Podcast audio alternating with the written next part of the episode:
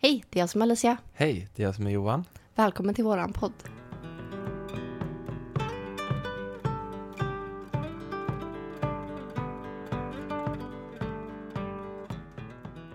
Hej! Hej. Lite oklart vem som skulle börja. Ja, men det brukar vara så ibland. Ja, men vi kör. Ja, eh, välkommen till det här avsnittet. Och idag ska vi ju prata om del två av det här, eh, din survival guide till ett andligt uppvaknande. Ja, vi släppte ju del ett eh, för två avsnitt sen. Ja. Eller ja, för förra.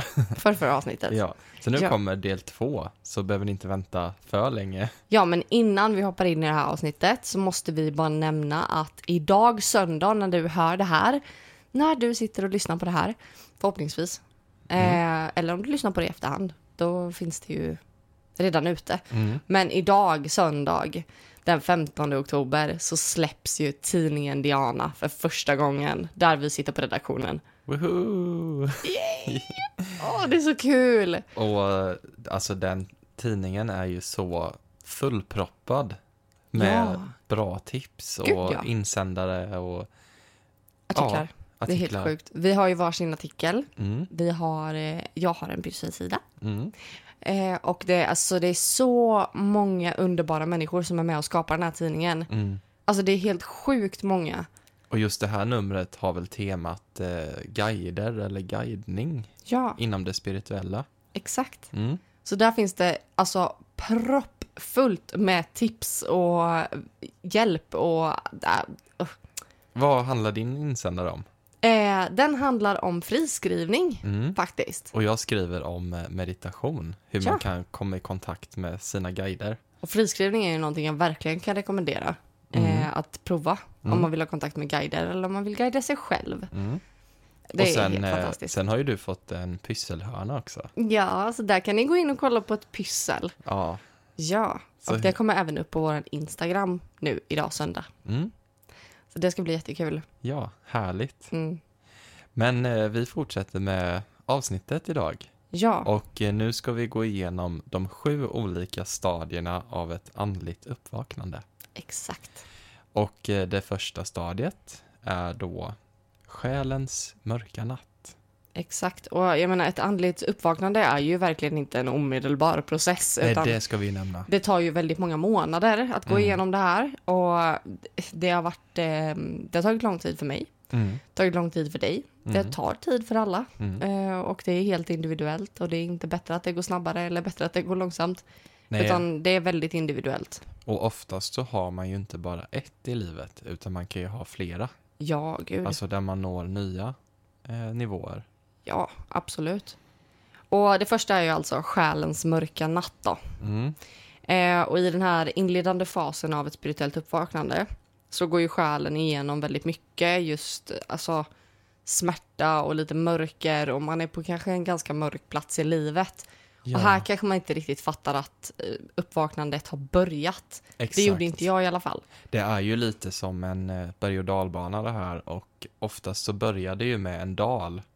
Mm. Det är inte sunshine in rainbows det första som händer i ett uppvaknande. Nej, det är det verkligen, inte. inte. Det är det inte. Och nej, men det finns ju ett slut i ljuset av tunneln för alla. Mm. Och i det här fallet så är det ju en, eh, ett spirituellt uppvaknande. Mm. Helt enkelt som är det här ljuset som det leder till. Mm. Men under den här fasen så genomgår man ju väldigt mycket förvirring. Det är väldigt tungt. Det är väldigt kämpigt. Det kan vara att det, det händer mycket i livet runt omkring och att man, man kanske lider väldigt mycket i sin ensamhet. Mm. Jag vet själv, alltså när man börjar ifrågasätta meningen med livet eh, blir det oftast i det här. Att det känns som att eh, man har levt i en lögn. Och eh, om du har sett Trollkarlen från Oz någon gång. Mm. Alltså när den här ridån försvinner Ja. och det är liksom, det är en ful sanning bakom. Ja. där som bara uppenbarar sig framför dig. Så på många sätt så, om man har hört talas om det här talesättet ignorance is bliss, ja. det stämmer verkligen. För när man är ovetandes om, Det är ganska skönt att inte Ja. veta. ja det är det, när du får reda på allt det här, det kan ju kännas väldigt, som du säger, överväldigande. Mm. Och nästan som att man vet inte var man ska ta vägen. Vad är det här man får reda på? Ja, att eh, till exempel att, eh, nu kanske inte det är något negativt tänker jag, men att det finns ett liv efter döden. Mm. Men man börjar ju söka så mycket kunskap. Men här, alltså just i den här fasen så tänker ju jag att det är väldigt mycket så här att man man känner sig bara väldigt missnöjd med Mm. allting. För det var så det var för mig i alla fall. Att jag kände att liksom, jag hör inte hemma här, jag hör inte hemma där. Var ska jag vara någonstans? Mm. Man, man bara känner så här att det, man är bara frustrerad och irriterad och man känner sig bara olycklig och man känns, det känns liksom inte som att någonting kan göra mig lycklig. Nej, ensamheten är nog väldigt vanlig. Mm. Eh, för oftast så är ju inte din omgivning i samma fas innan du har liksom hittat andra likasinnade. Exakt. Och sen tänker jag, en annan sak som jag kom på nu som är väldigt jobbigt, det är ju liksom att eh, man nöjer sig inte med det här vanliga materiella livet som förväntas av en. Mm. Att eh, ha ett jobb att gå till som egentligen inte fyller på din Mm. själ med något, utan du, du vet inte riktigt hur du ska fylla ditt liv med det här andra. Nej, och det är det här som börjar bli liksom... Just den här... Det här är ju vad man tänker kanske att... Eller jag tänker att alla går igenom en sån här fas. Mm. Att alla mår dåligt på jobbet, alla liksom tycker att allting är jobbigt.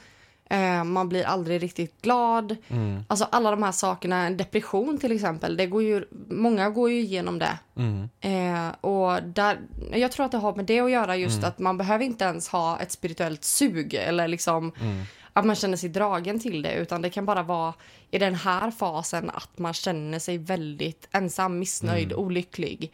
Ehm, att man liksom är frustrerad. Ja. Vad ska mitt liv ta Ja. vägen egentligen? Men jag tror det är när det, när det kommer så snabbt, när det blir för mycket liksom. Mm. Världen som uppenbarar sig är ju fantastisk, det spirituella.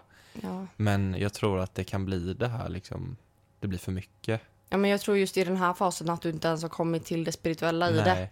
Utan här har du bara mår inte bra Nej. helt enkelt. Att det är punkt ett, du mår Ja. inte bra.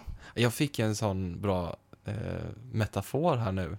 Mm. Eh, vi har ju sett eh, The Shawshank Redemption. Ja. Och det är ju en gubbe där. Det är ju hans liv, det där fängelset. Och när han blir fri så kommer han ju ut i den här fria, stora världen. Men eh, jag menar, då kan Han man ju inte tycka... hemma där längre. Nej, då kan man ju tycka att ja, men vad fantastiskt, han får äntligen komma ut och njuta av världen. Han är liksom inte en fånge längre. Men för honom så blir ju det alldeles för stor omställning. Så han vill ju bara hellre än allt annat tillbaka, för där känner han ju sig hemma. Där är ju alla som honom. Men nu är han ju helt ensam och han vet inte var han ska ta vägen. Han har liksom inte hittat någon i den här stora skrämmande världen. Mm, Så han, han tar ju sitt liv. mm, Det är väldigt sorgligt. Eh, så den, lite den känslan blir det ju att jag är ensam nu innan man har hittat eh, andra som är på samma liksom, väg som dig själv. Och det tror jag blir lite räddningen för många, att man söker sig till eh, andra som också går igenom, eller har gått igenom ett, ett uppvaknande. Men jag tror att i den här fasen har du inte ens kommit dit. Nej, Jag tror inte ens att du söker dig till andra för du vet inte vad det är du söker. nej, I den här fasen så tror jag verkligen bara att det är att det bara är förtvivlan. Alltså, för det, så var det för mig, för jag var inte Mm. ens inne på att det spirituella var någon, en grej i det här. nej. Alltså jag var verkligen inte, jag tror det är många som känner som jag har gjort. Mm. Att så här, jag gick igenom det här, jag blev arbetslös, jag blev dumpad, jag, Mm. alltså massa sådana grejer. Att så här, det var inte att jag försökte hitta en sanning i det här, utan Nej. det var att mitt liv blev skit. Ja, Och det var inte mitt fel och det var ingen annans fel. nej. Och det var inte det var inte tänkt att det skulle bli så, men mitt liv var skit och jag Mm. kände inte att jag hörde hemma, punkt. Jag tror inte att det var att... Eh, jag tror inte att i den här fasen att det hör hemma att, eh, att det, man söker kunskap eller att man söker det här, nu är det bara skit, jag mår Ja. dåligt. Ja, Punkt. men det, det kommer ju senare, Ja. givetvis. Eh, det blir ju lite som, eh, vad ska man säga? Eh, Jag tror att det här som du pratar om med Shawshank Ja. och hela den här komma ut i Ja. världen, det kommer senare Ja, i den här processen. men just det blir ju som en, nu har jag inte det svenska ordet, en catalyst. En, Katalysator. ja, alltså någonting som triggar det här. Mm. Det är då du får den här känslan. Mm. Och sen, eh, nu ska vi nog gå in på det Nästa. andra Mm. eh, steget. Eh, Det är ju då en... En, s- strimma ja, av hopp. En strimma av hopp börjar uppenbara sig. Mm.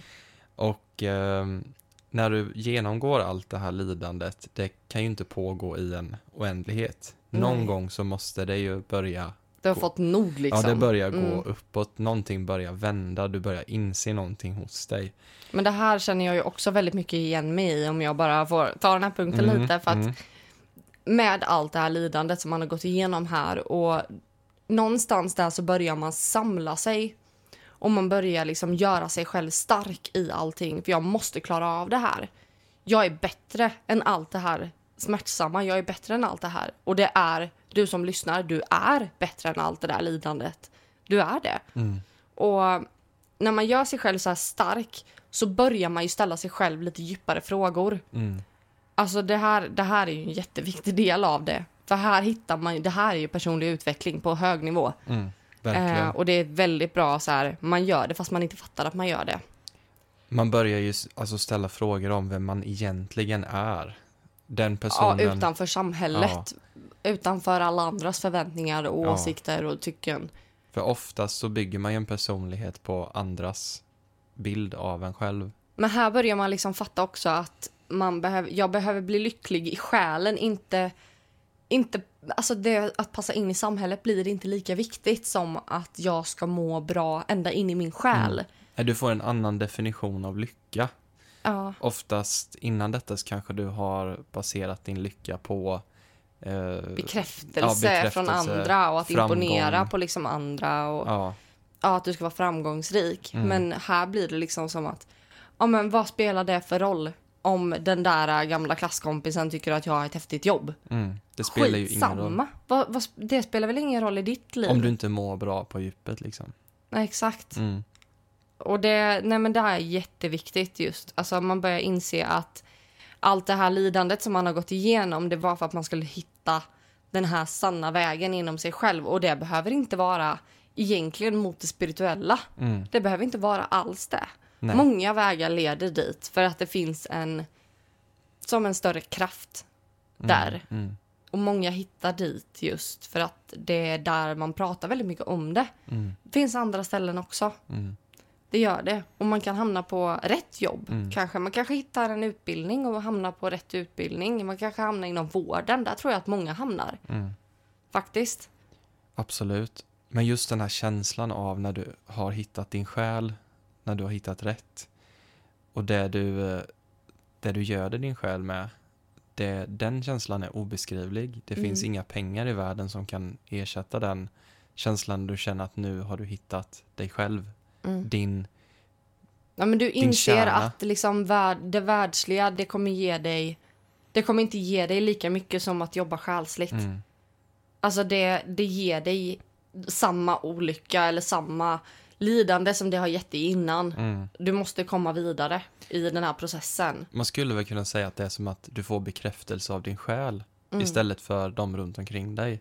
Ja, men det är att själen behöver ha svar. Ja, Istället för att göra samhälle, samhället, vara samhället till lags, Mm. så kan man väl säga, mm, så måste du vara din själ till lags och Mm. ge själen de svaren som den behöver. Mm.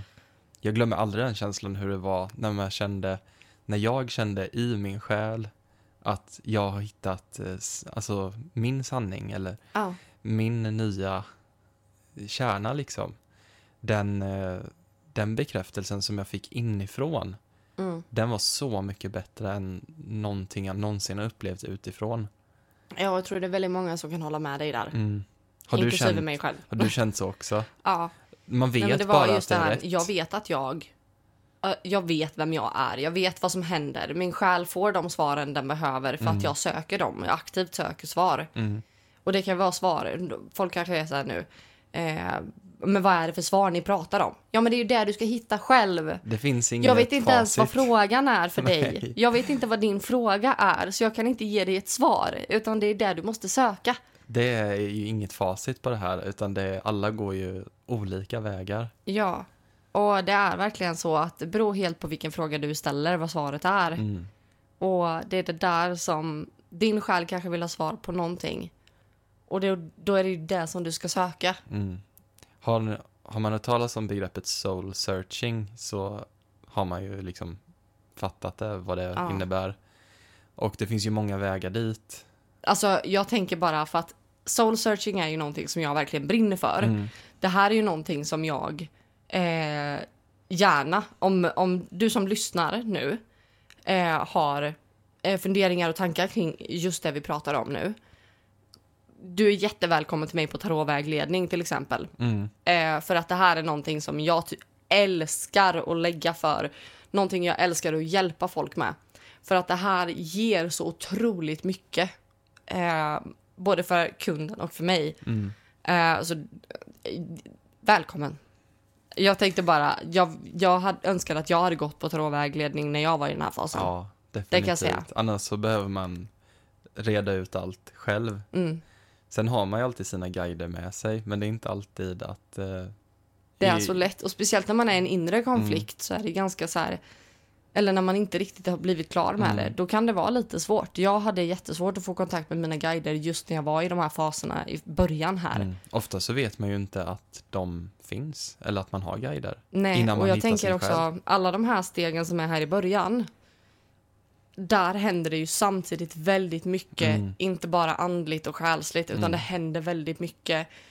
Som jag sökte utredning för mina diagnoser, jag började liksom reda ut mitt liv. Mm. Alltså man bör, jag började ta steg, eh, inte bara för att jag ska må bra själsligt och psykiskt och jada jada, utan jag måste göra, fysiskt göra mig av med skit. Mm. Jag måste rensa gamla kläder, jag måste rensa gamla möbler, jag måste slänga saker.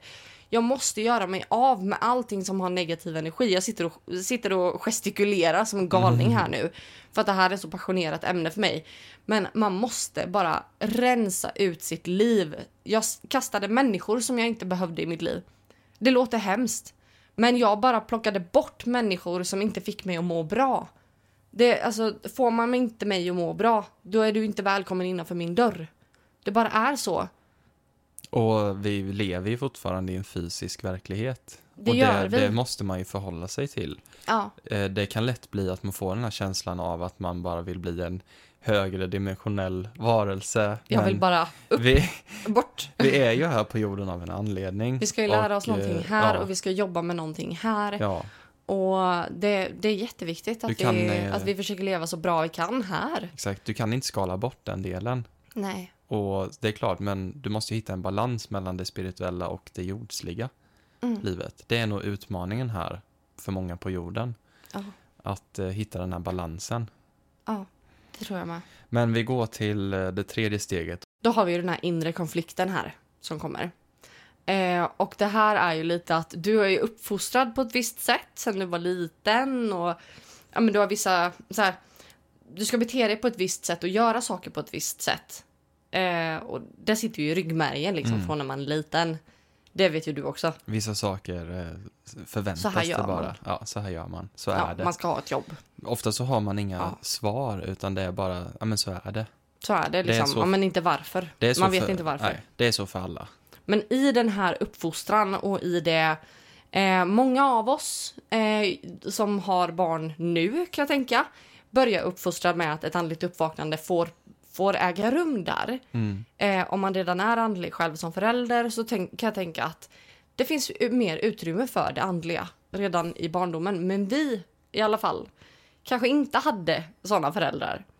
Eh, och där fanns det ju alltså inte plats för ett andligt uppvaknande i, eh, i yngre ålder. För börjar man ställa frågor om någonting man är missnöjd med, då är det bara liksom inga bra svar, utan Mm. För de själva är så fast i att eh, det har alltid varit så här.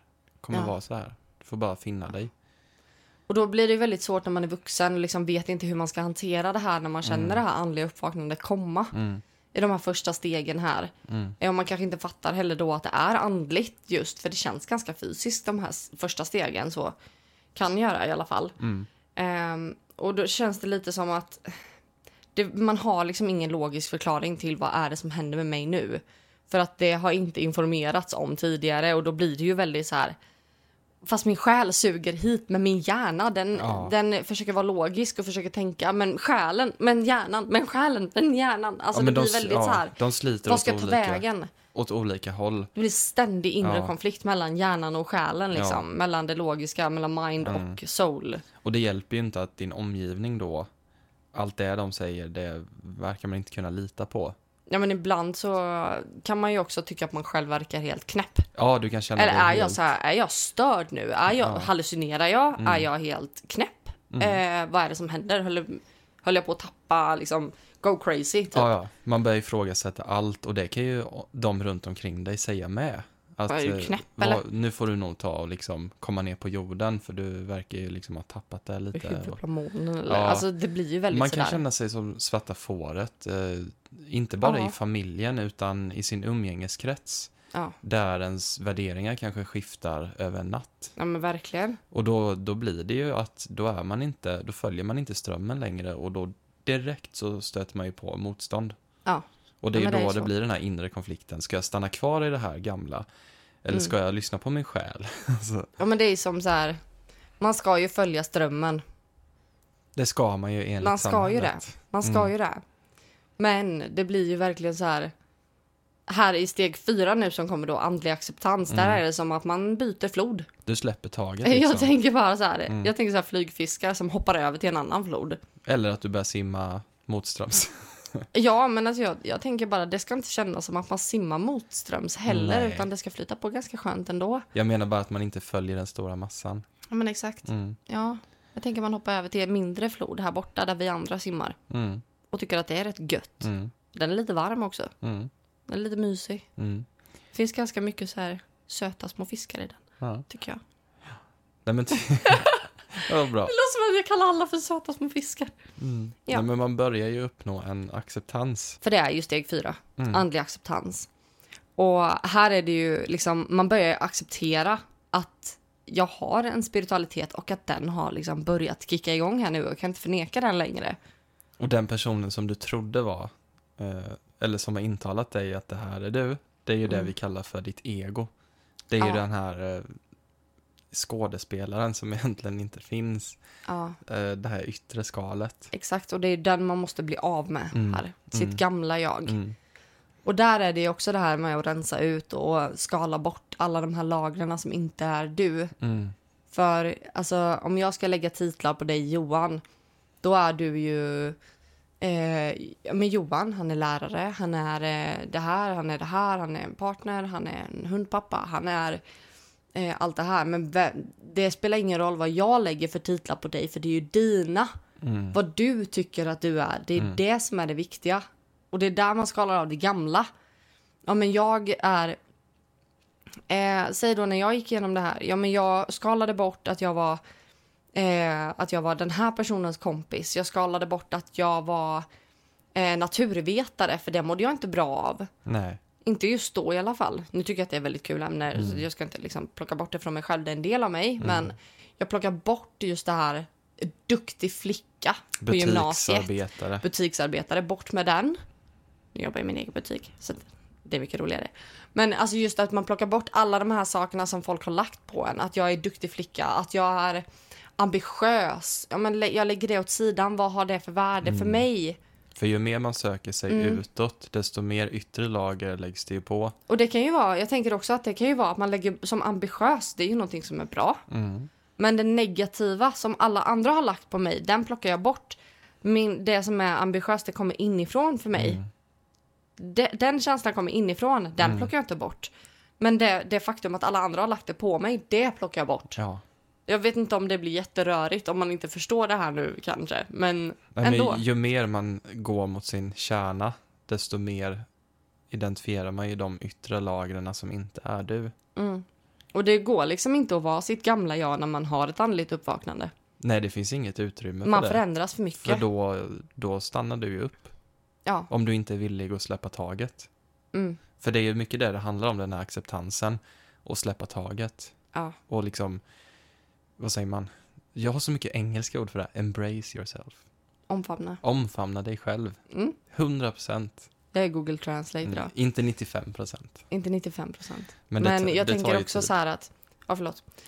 Men just i det här äh, med andligt uppvaknande så jag upplevde ändå att jag hade en specifik känsla som jag behövde jobba med för att liksom komma vidare. Och det var ilska. Mm. Ilska och frustration. Det var mina största. Och jag tror att din var... Jag vet inte vad din var från början. Men det är mycket konflikträdsla. Eh, Rädsla. rädsla Kanske. överlag att eh, åsidosätta mig själv, tror jag. Nej men alltså det, jag tror att alla har en sån, för att ens själ ska liksom kunna avancera Mm. så måste man liksom gå förbi de här obehagliga tillstånden egentligen. Mm. Och eh, alltså, det bara är så. Mm. Att du behöver liksom släppa tag om alla de här eh, jobbiga känslorna och liksom arbeta med det du är dålig på. Ja, Helt enkelt. Att jag var jävligt aggressiv. Jag var riktigt sur och riktigt arg. ja, Jag kunde tända till på två röda, det kan jag fortfarande göra. Men jag har det under kontroll nu. Jag hade ingen kontroll på det innan. mm. Och det kanske inte är någonting man tänker om mig. nej, När man tittar på oss på Instagram eller när man hör mig prata eller... Ja men... När man ser mig. Jag tror inte man tänker att jag var så aggressiv. nej. Eller att jag varit, haft såna aggressionsproblem. Eller hatisk eller bitter mot saker. Nej, för nu är jag inte där Nej. längre. Och, och det är för att du har skalat bort det. Men alltså jag tror att det har jag varit. Alltså jag har Ja. verkligen varit aggressiv hela min uppväxt, Ja. hela min barndom och hela, Mm. hela mitt liv egentligen. Jag har varit, haft väldigt så här, aggressivitet Ja. i mig. Och det var ju dina negativa sidor som du behövde jobba med. Ja. Men samtidigt som du hade ju inte mina problem. Nej, Att du åsidosatte ju inte dig själv. Du har ju alltid haft en strong vilja. ja men det har jag absolut Och- haft och jag har alltid haft civilkurage. Ja, och du har ju alltid sagt vad du tycker och Gud, ja. vad du tänker. Det har ju inte jag kunnat på samma sätt. Nej, Utan det har ju blivit att andra kanske har utnyttjat mig och trampat på mig. Och jag, dörrmattan liksom. jag har inte ens sett att det har hänt liksom. Nej, Så ja, det var någonting som du behövde jobba med. Ja. Men det är de här fula sidorna av oss själva som vi verkligen behöver jobba med här. Mm. Och eh, då kommer vi till eh, punkt fem. Mhm. Ska vi gå vidare? Eller känner du att du vill ha hade något annat? Nej, vi kan gå till punkt fem. Mm, kör.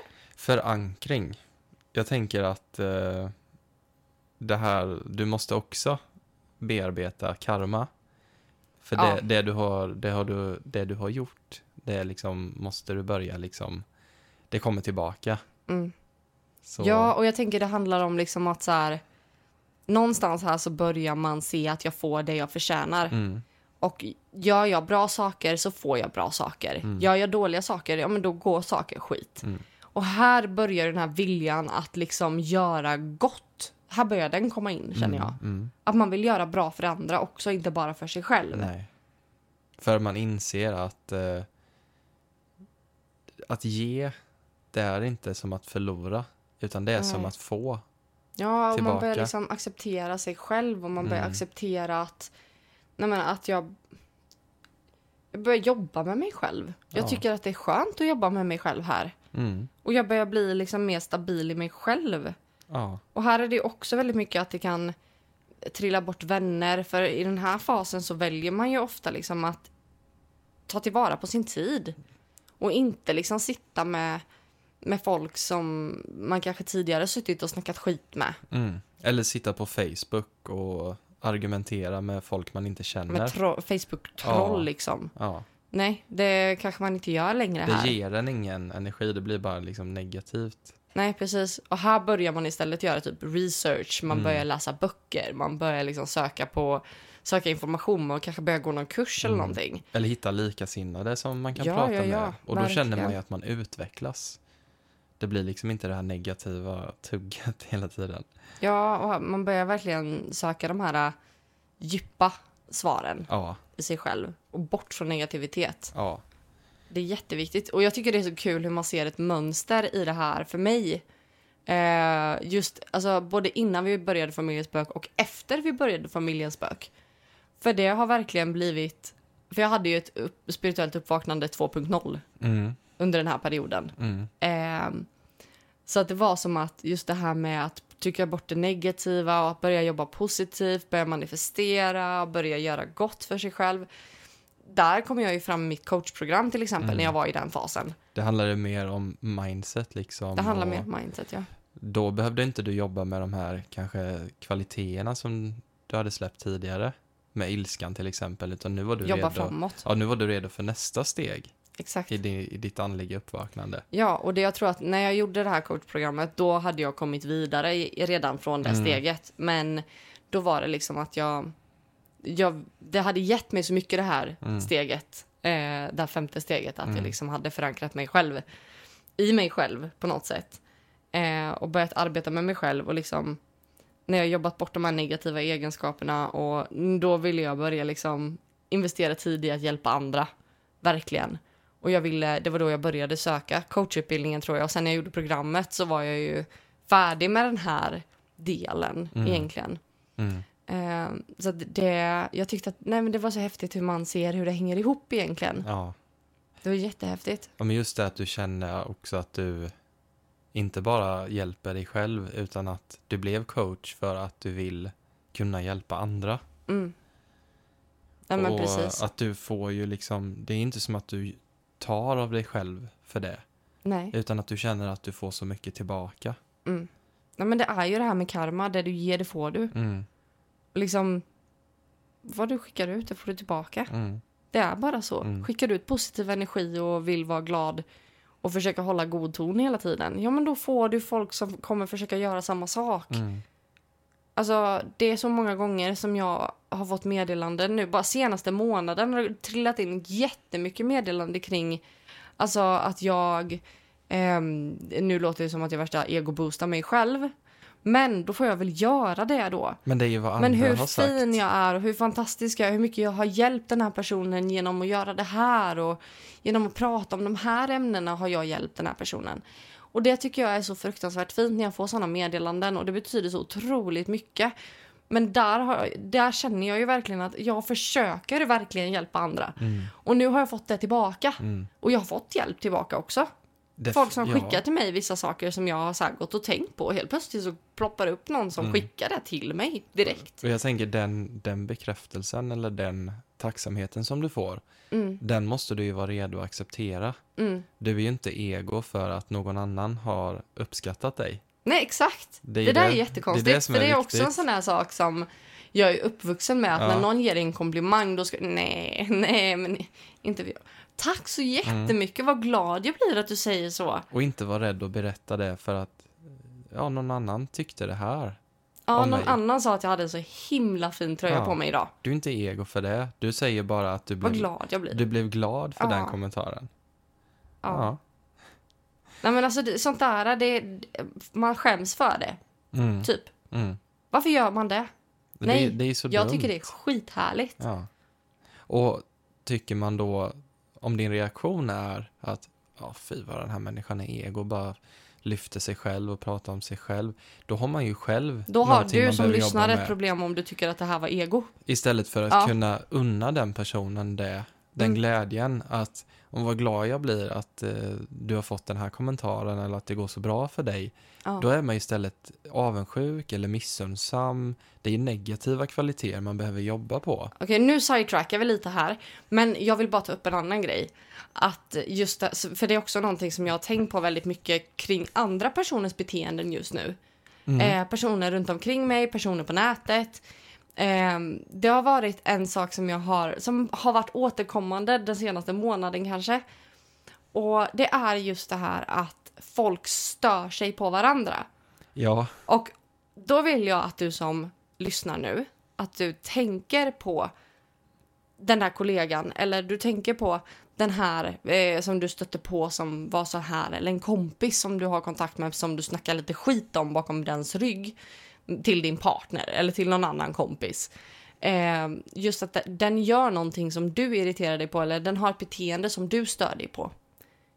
Jag vill att du tänker på den personen och så vill jag att du tänker på vad är det den här personen gör som du stör dig på? Okej, har du den? Bra. Den speglar dig själv.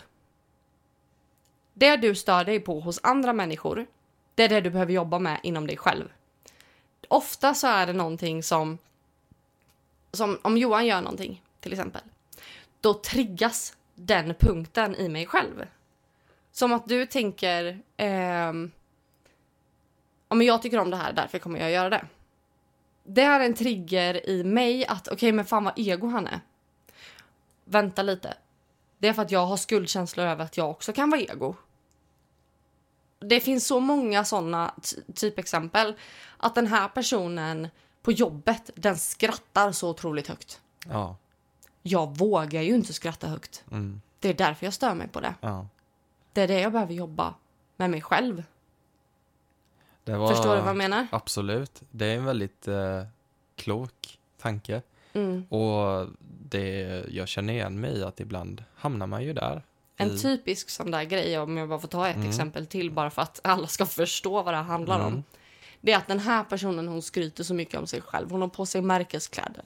Hon har på sig klackar varje dag. Hon skryter så mycket om sig själv. Gud vilken bimbo. Mm. Är det antagligen, för den här personen har inte gjort dig någonting ont Nej. egentligen. Det kan ju vara så här att man har eh, associerat den med kanske mobbare på skolan eller någonting. Mm. Ett, antagligen så handlar det om att du om du tycker att den här personen, ja, men hon, eh, hon ska vara så smal och snygg och hålla på och ja, bimbo typ. Jag vet att det är folk som håller på så här. Mm. I min närhet, i andras närhet, eh, det är folk som säger det till mig hela tiden. Mm. Och även inom den spirituella Även inom det communityn. spirituella. Absolut. Det här handlar om ett, att du är antagligen osäker på din egen kropp. Du kanske inte är 100% bekväm med dig själv. Det svider att någon annan är mer bekväm i sig Mm. själv. Att man kanske säger om den här personen att men gud vad osäker hon är. Att hon behöver göra så här för att få bekräftelse. Antagligen inte. Det kanske är du Är det du osäker. som behöver göra så? Hade du gått den vägen om du hade velat ha bekräftelse? Det betyder inte att hon behöver ha det så. Mm. Om du istället kanske pratar med henne och säger att hon är fin, då kanske du får en helt annan känsla av henne. För hon kanske inte säger nej, nej, nej. Utan hon kanske säger, men gud tack vad glad jag blev. Mm. Vad roligt. Ja, den är faktiskt ny den här tröjan. Ja, men Vad kul att du såg det. oftast så dömer man ju någon för snabbt. Man dömer oftast Utan att många veta- väldigt för snabbt. Utan att veta vem det är bakom. Exakt. Och där kan man ju själv hamna och man, Mm. då mår man ju dåligt när man får reda på att eh, den här personen kanske inte hade det så lätt. Och så har jag suttit här och tänkt en massa negativa Taskigt om tankar. den här eller, personen egentligen. för skitsnack är väldigt lätt att hamna i. Det blir liksom som att man göder, göder varandra. Ett monster Ja, liksom. Ja. ja.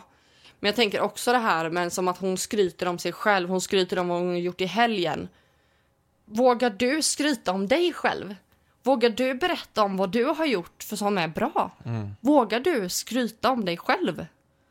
Alltså som jag, jag tycker jag är helt fantastisk för jag har jobbat som en maskin den här veckan. Mm. Jag har varit så produktiv, jag har fått så mycket gjort den här veckan. Samtidigt som jag faktiskt har vilat också för det har jag förtjänat. Men det är ju inget skamligt i det. Det är inget skamligt i det. Nej, jag tror, Utan, jag tror när det övergår, för det kan ju också övergå i en osäkerhet, att du måste överdrivet höja dig själv Mm. till skyarna och stå i centrum. Då är ju det en osäkerhet. Absolut. Men det är ju just att eh, andra ska liksom känna att du är säker och du liksom, Mm. Du är inte rädd för att visa hur du känner eller så. Återigen, balans. Det måste vara en balans, ja. Men jag tänker bara det här, jag vill runda av Mm. den här Coachnings... speglingsdelen här, min lilla coach coachsession. Alicia. Ja. Att titta på alla de här personerna som du stör dig på och vad det är du stör dig på. Skriv ner det här i en lista. Gå igenom vilken känsla det är som är kopplad, förankrad i dig i det här. Mm. Varför stör du dig på den här personen? Är det för att den är skrytsam? Får du ingen bekräftelse själv? Tar du inte emot bekräftelsen du får? Är du osäker och därför vågar du inte uttrycka hur bra du är? Vad, vad grundar sig känslan i?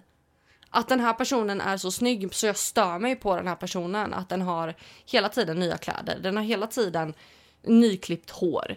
Den har klackar varje dag när den är på jobbet. Ett, jag tycker inte ens om att gå i klackar. Varför ska jag störa mig på det? Hon får väl göra det om hon vill. Var, vad är det den här känslan grundar sig i? Är jag osäker på min egen kropp? Är jag, känner jag att jag inte har några bra kläder? Alltså, vad är det dina känslor grundar sig i? Och vad grundar sig den känslan i? Om jag känner mig osäker i min kropp och jag känner att jag inte har några bra kläder. Nej, men jag har köpt skitkläder som är två storlekar för små. Kläder ska ju inte passa på mig. Eller kläder, jag ska ju inte passa i kläderna. Kläderna ska ju passa på mig. Alltså det, det går så långt tillbaka. Att man måste passa in i en standard. Och att alltså, det, det är så djupa känslor.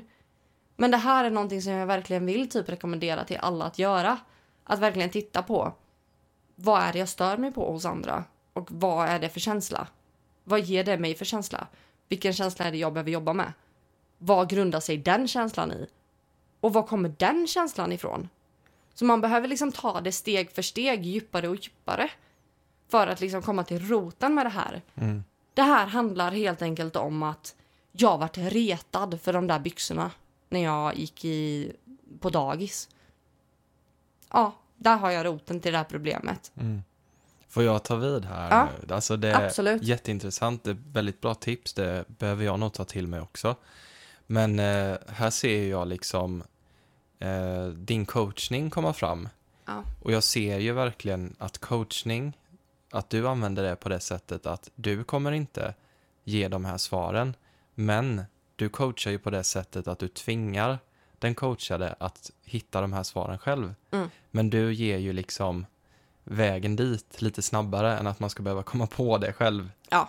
Så det är ju fantastiskt bra att gå till en coach om man Jag känner kanske sig... ska öppna mina coachningstjänster igen för jag har haft dem stängda ett tag. Ja, du eh, kände väl, det, man ska ju alltid känna att det här är någonting som jag vill göra just nu. Är det någonting annat jag vill fokusera på, ja men då pausar jag det. Ja. Men just nu känns det som att du är inne i en väldigt coachande fas här. Ja, men jag kanske ska öppna. Jag öppnar min coachning igen på hemsidan så kan man gå in och boka en session om man vill. Mm, Ja, det, det, kanske bra. blir bra. Mm, Ja, jag kanske ska öppna mitt program lite längre fram. mm, det tycker jag definitivt. Mm.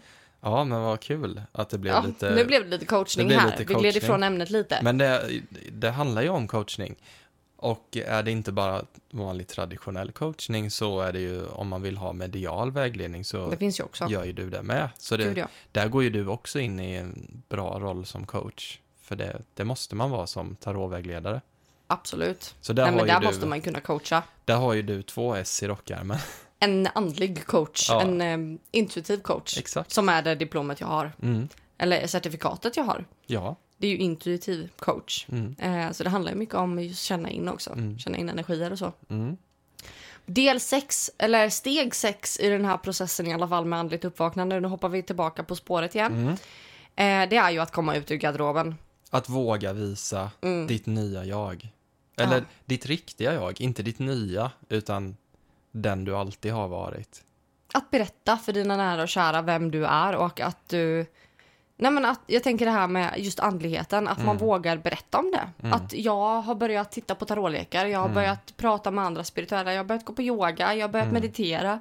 Alltså, Att man vågar prata om det. jag kan tänka mig att det är lite samma känsla som att gå ut med att man är homosexuell eller bi eller någon annan hbtq. I person. många, I många fall så kanske det är...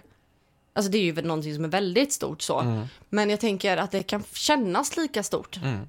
Ehm, det är också som, nu glider vi in på coachning igen, att ditt värsta är ditt värsta och mitt värsta är Mm. mitt värsta och man kan inte jämföra. Det finns de som har det värre. Mm. Ja, fast ditt värsta är ju ditt värsta. Mm. Det är ju det värsta du har gått igenom. Men det som Ehm, håller en Så tillbaka, att där handlar det också om, liksom, det här är jag ju rädd för. ja, Det är min största rädsla. det som håller en tillbaka, det jag menar, det det har gemensamt, Mm. det är ju det här rädslan för vad andra ska tycka Ja. och tänka. Men här har man ju kommit förbi den Ja. tröskeln att okej, men för att jag ska kunna vara lycklig 100%, för att jag ska kunna följa det här som min själ vill att jag ska följa så måste jag vara öppen med det. Mm. Och det Eh, spelar ingen och- roll vad andra Ja. har att säga om det. Och det spelar ingen roll för att folk kommer tycka att du är knäpp ändå. Mm. Det spelar ingen roll. Men där ser man ju hur viktigt det är att inte vara beroende av andra för att Mm. må bra. Ja men där tänker jag också så här, säg att du är en familj med fotbollsspelare, alla Mm. i din familj spelar fotboll, Mm. men du vill spela basket. Är du galen eller? Mm. Alltså det spelar ingen roll. Det spelar absolut ingen roll vad det handlar om. Nej. Om din familj är jättereligiös så kommer de antagligen tycka att spiritualism är fel. Mm. Eh, är de inte religiösa överhuvudtaget så kommer de tycka att du är religiös för att du är spirituell. Mm. Det handlar ju inte om det. Men folk kommer tycka att du är knäpp ändå. Du kommer inte passa in Du kommer inte facket. passa in med alla människor. men det handlar om att de får acceptera dig som du är. Ja, Älskar de dig så får de ta hela dig. exakt. Du förtjänar ju både kärlek och respekt för den du Ja. är om det är någon som är värd att vara i ditt liv. Ja, och det är jättesvårt att prata med föräldrar och familj och partner och allting om det här när man går igenom det. Det är jättejobbigt att ta det här steget och komma ut ur garderoben. Mm. Det viktigaste är att nu ska jag berätta det här för dig. Mm. Det, alltså att sitta ner och prata om det och säga exakt vad jag säger nu. Jag kommer berätta det här för dig nu. Och jag vill att du bemöter mig med respekt för det här är någonting som är viktigt för mig. Mm.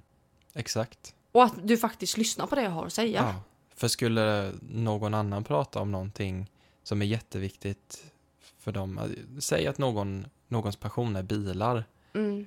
och man är nära till den här personen och sen sitter man och förlöjligar den och bara hur kan du hålla på med bilar? Fan vad löjligt. Men jag Alltså, tänker också bara att man totalvägrar att lyssna Ja. på den andras intresse. Även om man själv kanske inte förstår eller är intresserad så kan man ju ändå liksom visa att Jag accepterar dig, Ja. att du tycker att det här är kul. Vad och jag kul kan tänka mig att lyssna för att det är du som pratar om det och du brinner för det och då Mm. vill jag att du ska få prata om det du brinner för. mm, Exakt.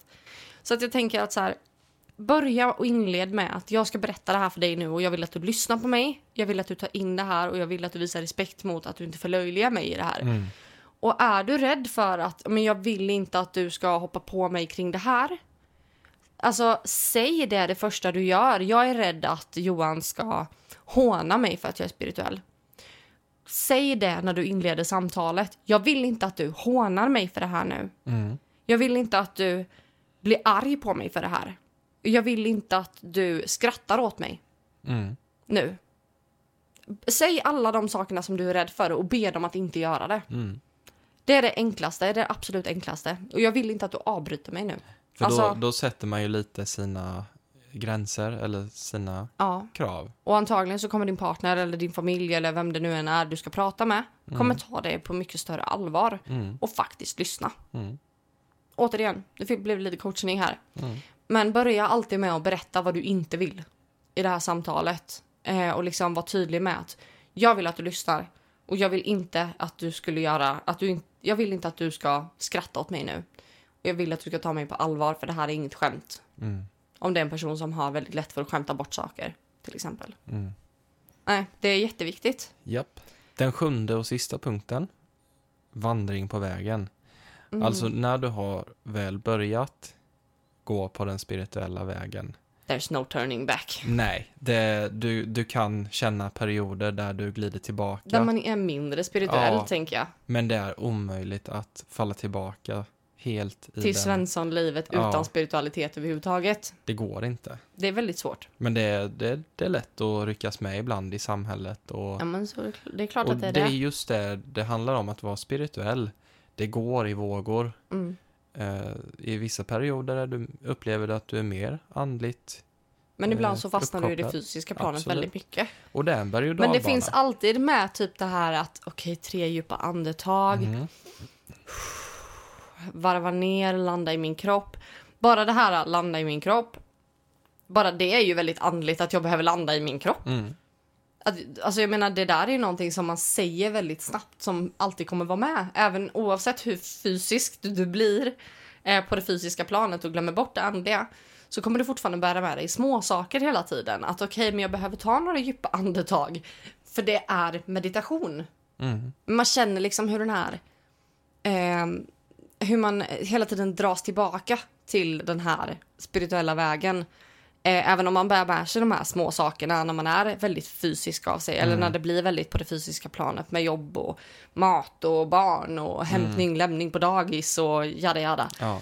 Man bär ändå med sig de här små sakerna men sen så styrs man ju alltid in på de här, åh gud vad spännande Ja. det där verkar. Man har ju alltid Ja. den där lilla rösten eller det där. Jag Mm. tror aldrig jag hört någon säga, ja jag var spirituell en gång. Men nu är jag inte det längre. Nej exakt. nej men det finns ju inte någon Nej. som har, nej men det tror jag För inte. att vara spirituell, det handlar ju inte om att vara... Du börjar verkligen skratta nu. Ja, nej, jag men jag det- såg att du tyckte att du var jätterolig nu. Ja, men det handlar ju inte om att vara, som att vara troende på en religion. Nej, För man det- kan ju bli ateist, Ja, för absolut. det är ju inget, det har ju egentligen ingenting med att göra att man tror på någonting Nej, specifikt. man vill leva i samklang med sig själv. Ja, och naturen Ja. och ja. Och andra människor. Att, Alltså, liksom energier det är mer. så svårt att definiera ordet andlighet och spirituellt, för det är ju vad man själv anser Gör det till. är. Ja. Ja, det är det verkligen. Mm. Och jag tänker typ som, jag har ju gått kurser hit och dit. Mm. Och nu börjar jag ju känna suget igen. Ja. Eh, för nu har det gått ett tag sedan jag avslutade min eh, sista utbildning. Och nu börjar jag känna suget igen. Mm. Alltså verkligen känna så här, jag måste plugga. Alltså jag börjar bli så här, men jag vill inte gå en vanlig utbildning. För jag tycker det är lite tråkigt för mig. Ja, Men eh, jag är öppen för tips, så har du något tips på någon utbildning eller någonting, eh, du som lyssnar, så får du jättegärna höra av dig. Om du tror att du har, har något tips som hade passat mig. men du, du har ju köpt en drös med böcker. Ja, det har jag gjort också, så jag ska läsa. Ja. Det, det ska jag absolut göra. Mm. Men på det här sista steget, eh, så alltså, i den här fasen så är liksom det bästa du kan tänka dig att ha en sann själsfrände vid din sida. Mm. Och där behöver du också samtidigt som du kanske hittar någon, Mm.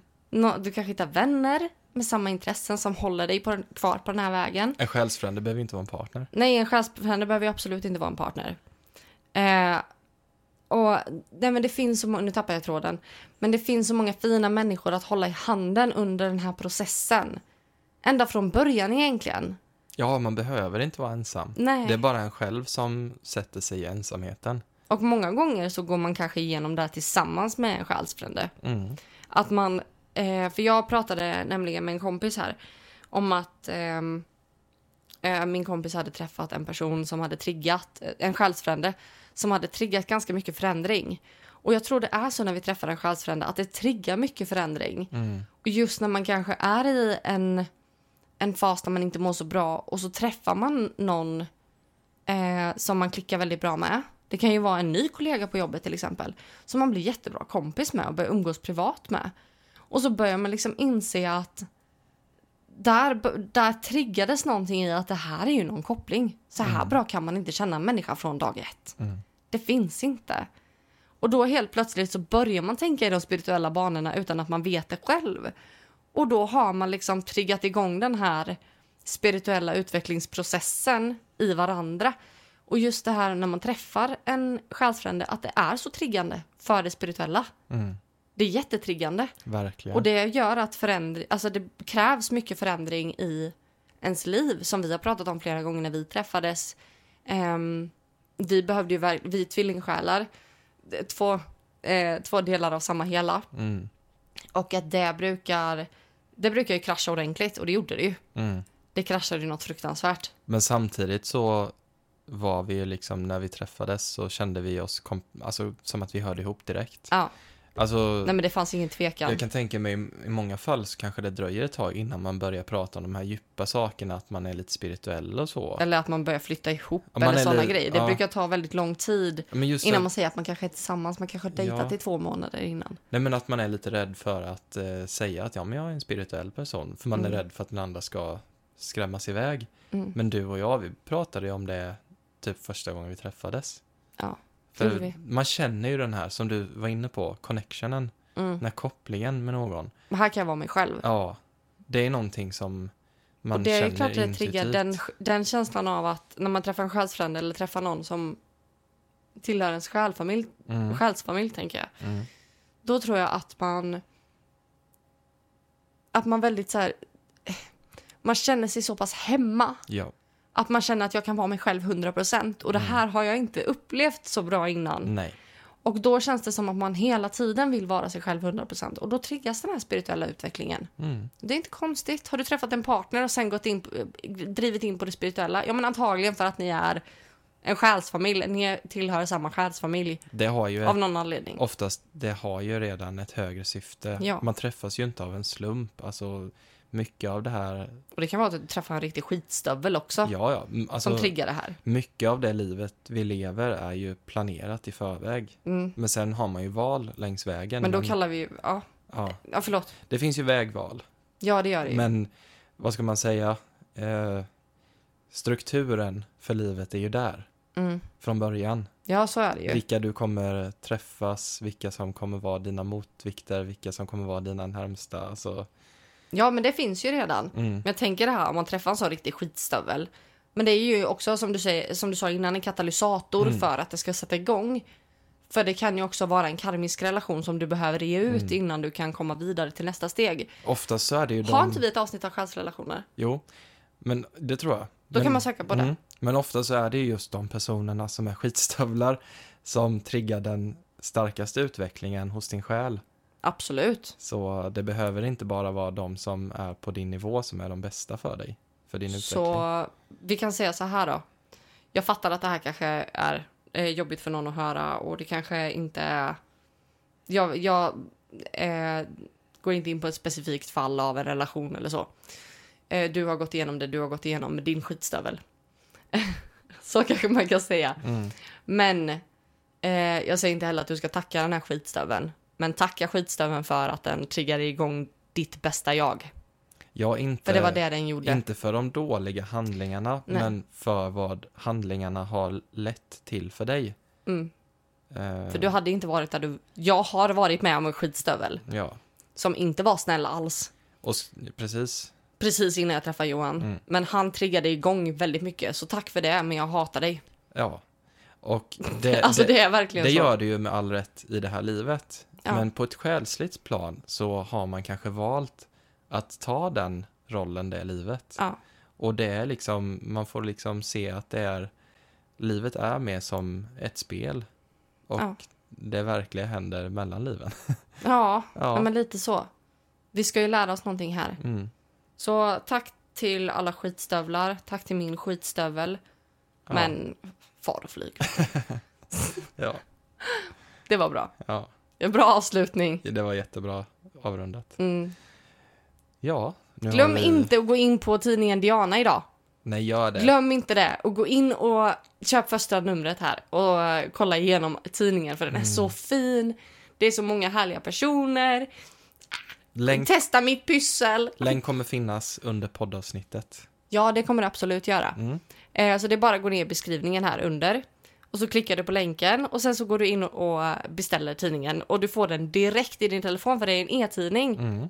Så du kan sitta nu och läsa tidningen samtidigt som vi avslutar det här avsnittet. Helt fantastiskt. Och sen vill vi också passa på att nämna att eh, när du hör det här så hade vi igår släppt våran tarotkurs del 2. Ja, och det här är en fördjupningskurs Mm. i tarot. Om du redan kan ha lite förkunskap kring tarot, kortens betydelser. Vi hade ju en grundutbildning del 1. Och den kommer också gå snart igen om Ja. man vill gå den. Den var ju så lyckad, så rolig. Jättemånga som tyckte att den var jättebra. Mm. Så himla kul. Eh, alltså det, den var jättebra. Eh, men, eh, vad skulle jag säga?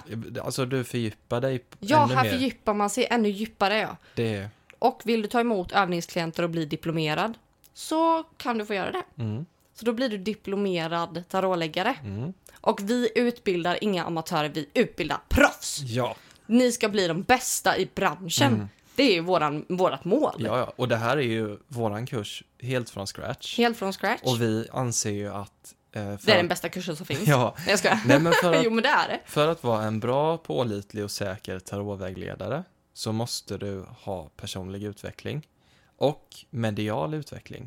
Så Så därför det blir så, en mini-personutvecklingskurs Mm. och en mini-mediumutbildning. men nästan halva kursen är ju personlig och medial utveckling. Ja, gud, du kommer bli ett medium efter det här. Mm. Ett Med minimedium. många övningar man får göra Jättemycket övningar. och testa på, på varandra och eh, Och även för, fördjupning i själva eh, ämnen mm, kring tarot. symbolik och eh, tolkningar och Färger och allt betydelser. möjligt. På, verkligen på ett djupt plan Ja. som vi har känt att vi har saknat. ja, verkligen. Jag har ju proppat den här kursen full med allting som liksom har så här aha moments för mig. Mm. Eh, och som bara har liksom boostat upp mitt självförtroende inom tarotläggning. Mm. Och eh, jag lovar dig, du kommer bli alltså proffs på tarotläggning efter det här. Och du och kunna jobba med det. På läggningar så kommer du ju hålla i en fantastisk Alltså live-föreläsning. kul. Jag tror den är, det går inte att hålla den under två timmar. Nej, Där du sitter och går igenom alla möjliga olika sorters läggningar. Vilka alltså frågor, mina, mina bästa läggningar. ja, vilka frågor som lämpar sig bäst. Ja. Och hur du ställer frågor åt en klient. För du omformulerar en klients frågor till exempel. A och O. Alltså du kommer bli ett proffs på tarotläggning Mm. till den här kursen, när, när du går den här kursen. Vi kommer även prata om etik och moral och Mm. företagande. Ja, du kommer få lära dig hur du driver ett spirituellt företag Mm. om du vill jobba som tarotläggare. Och det här behöver inte vara att du startar ett aktiebolag eller att du Nej. startar en egen firma, utan vi kommer gå igenom hur du kan göra ändå. Det finns många alternativ idag. Jättemånga alternativ och vi kommer hjälpa dig på vägen också Mm. till att starta upp det här. Ja. Så att Så du kul. kommer ha liksom alla möjligheter i världen att tjäna extra pengar. Och utbildningen kostar 3 333 kronor. 3 333 kronor. Den pågår i 14 veckor. 14 veckor. Kursstart är den 27 november. 27 november. Men vi har skrivit en liten reservation där att kursstarten kan bli något framflyttad beroende på hur många som väljer att boka innan Ja. dess. Det kan bli lite framflyttat, ja. Ja.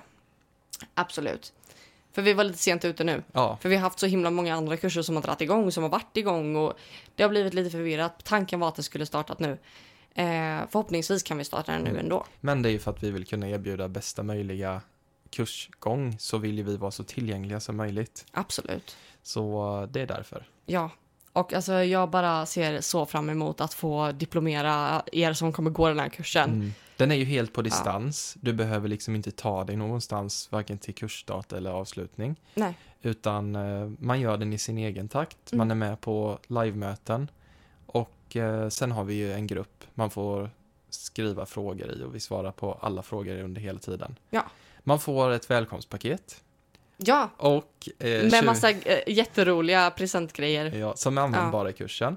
Och Ja. under hela kursens gång så får man 20% rabatt på alla våra produkter i webbshoppen. Ja, det är ju helt fantastiskt. Mm, Det är magi. mm, verkligen. Alltså det ska bli så kul. Jag hoppas att du som lyssnar vill vara med också. Det hoppas jag också. För Ja. vi älskar ju verkligen att hålla i kurs. Det är Alltså ju det är så, jäkla roligt. kul. Alltså det är typ det roligaste Och jag nu vet. börjar vi ju verkligen bli så här riktigt varma i kläderna för nu har vi ju, nu är vi inne på den, Den här fjärde. har vi ju kört många gånger nu. Detta är fjärde omgången Den som fjärde omgången. Det ska Mm. bli så kul. Ja. Och de som har eh, gått ut, de är proffsiga. De är riktigt Mm. proffsiga. Det har bara varit engagerade och väldigt duktiga elever. Alltså de har... Eh, de har varit jätteduktiga. Jag är Mm. så fruktansvärt imponerad. Jag kan gå i god för att alla är riktigt grymma råläggare. Man blir så här nostalgisk nästan, så här stolt Ja. över det hårda jobbet de har gjort Mm. själva. Ja, och hittills så har vi ju... Vi kommer ju ha eh, prov också med de som går nu. Eh, de kommer ju få göra... De kommer få sina övningsklienter, de kommer göra för oss. Mm, Eh, så det är också garanterat att de här råläggarna blir faktiskt bra. mm. Och den delen är ju valfri. Det är liksom inget krav. Du måste inte bli diplomerad. Det Nej. måste man inte bli. Man kan hoppa över den biten Mm. om man inte känner att man har den ambitionen. Men de som har blivit diplomerade är ju fruktansvärt duktiga. Mm. Det Definitivt. är de verkligen. Mm. Jättekul. Men vi hörs nästa vecka. Ja, Ja. och då blir det halloween special. Alltså vi kommer köra halloweenvecka. Ja, Jag har fått med Johan på tåget. Vi ska köra halloweenvecka. Det blir ett avsnitt varje dag. mm. Alltså jag är så taggad så det finns inte. Och sen avslutar vi på halloween ja. med ett eh, Samhain-avsnitt Mm. för häxorna. Det kommer bli så bra. Jag är så taggad! Alltså det här ska bli så kul. Mm. Alltså det ska bli jätte, jättekul. Hoppas att du vill vara med på halloweenveckan och då är det bara att följa oss på Spotify, på Podcaster, vi finns på Google, Vi Podcast, finns vi överallt. finns överallt. Instagram, glöm inte att följa oss där. Youtube, där finns vi. Vi finns överallt. Ja. Glöm inte att kolla in webbshoppen också. Butiksbok.se. Butiksbok.se. Eh, puss och kram! Puss och kram. Ha det bra! Hej då. Hej då!